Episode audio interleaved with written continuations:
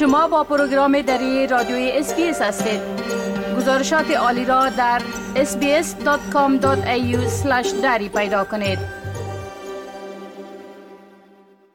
افغان هایی که در زمان رژیم گذشته قبل از طالبان برای استرالیا کار می کردن، پس از زمانی که نیروهای ائتلاف سال گذشته از این کشور خارج شدند برای بیرون شدن از افغانستان از حکومت استرالیا درخواست کمک نمودند.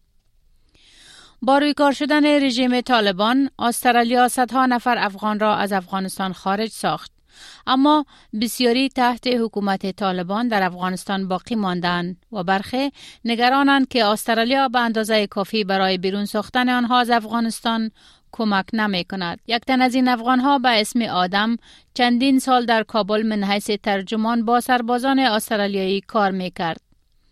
آدم می گوید او از کار با استرالیایی ها بسیار راضی بود. Yes, we are at the risk and everywhere we from fear from this uh, this situation to have to work with the Israeli army. اما همکاری آدم با نیروهای ائتلاف به این معنی بود که اکنون وای همواره از جانب طالبان تحت تعقیب است. یک همکار استرالیاییش او را تشویق کرد که در سال 2017 برای ویزای خاص برای کارمندان درگیر در محله که در معرض خطر است درخواست دهد. اما وزارت دفاع استرالیا درخواست او را رد کرد و دلیل آن را توضیح نداد.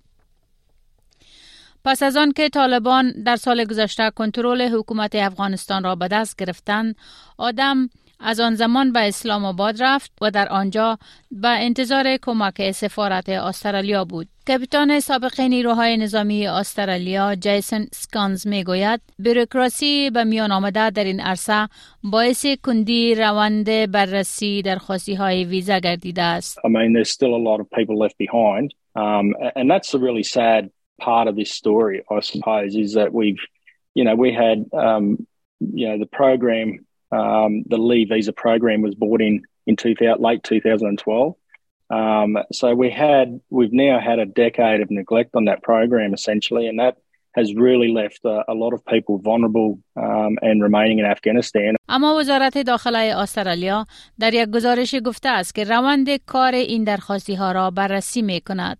The government is committed to assisting Afghans who supported Australia's mission in Afghanistan and is extending all available effort to finalising certifications and visa applications for Afghan locally engaged employees. حکومت استرالیا ویویان تام یک کارمند سابق حکومتی را برای بررسی برنامه ویزا برای کارمندان افغان منصوب کرده است.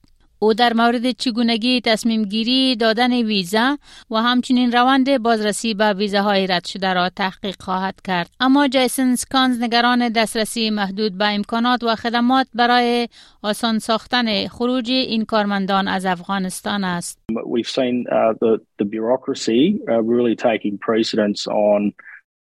um, the safety uh, and well-being of, of those that assisted us. قرار است یک گزارش مفصل روند کاری این درخواستی ها را در اوایل سال آینده نشان دهد.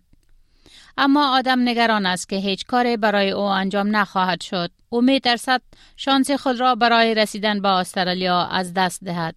Many times I went to Islamabad and the Australia embassy to but guard not allowed me go to enter enter می خواهید این گونه گزارش ها را بیشتر بشنوید؟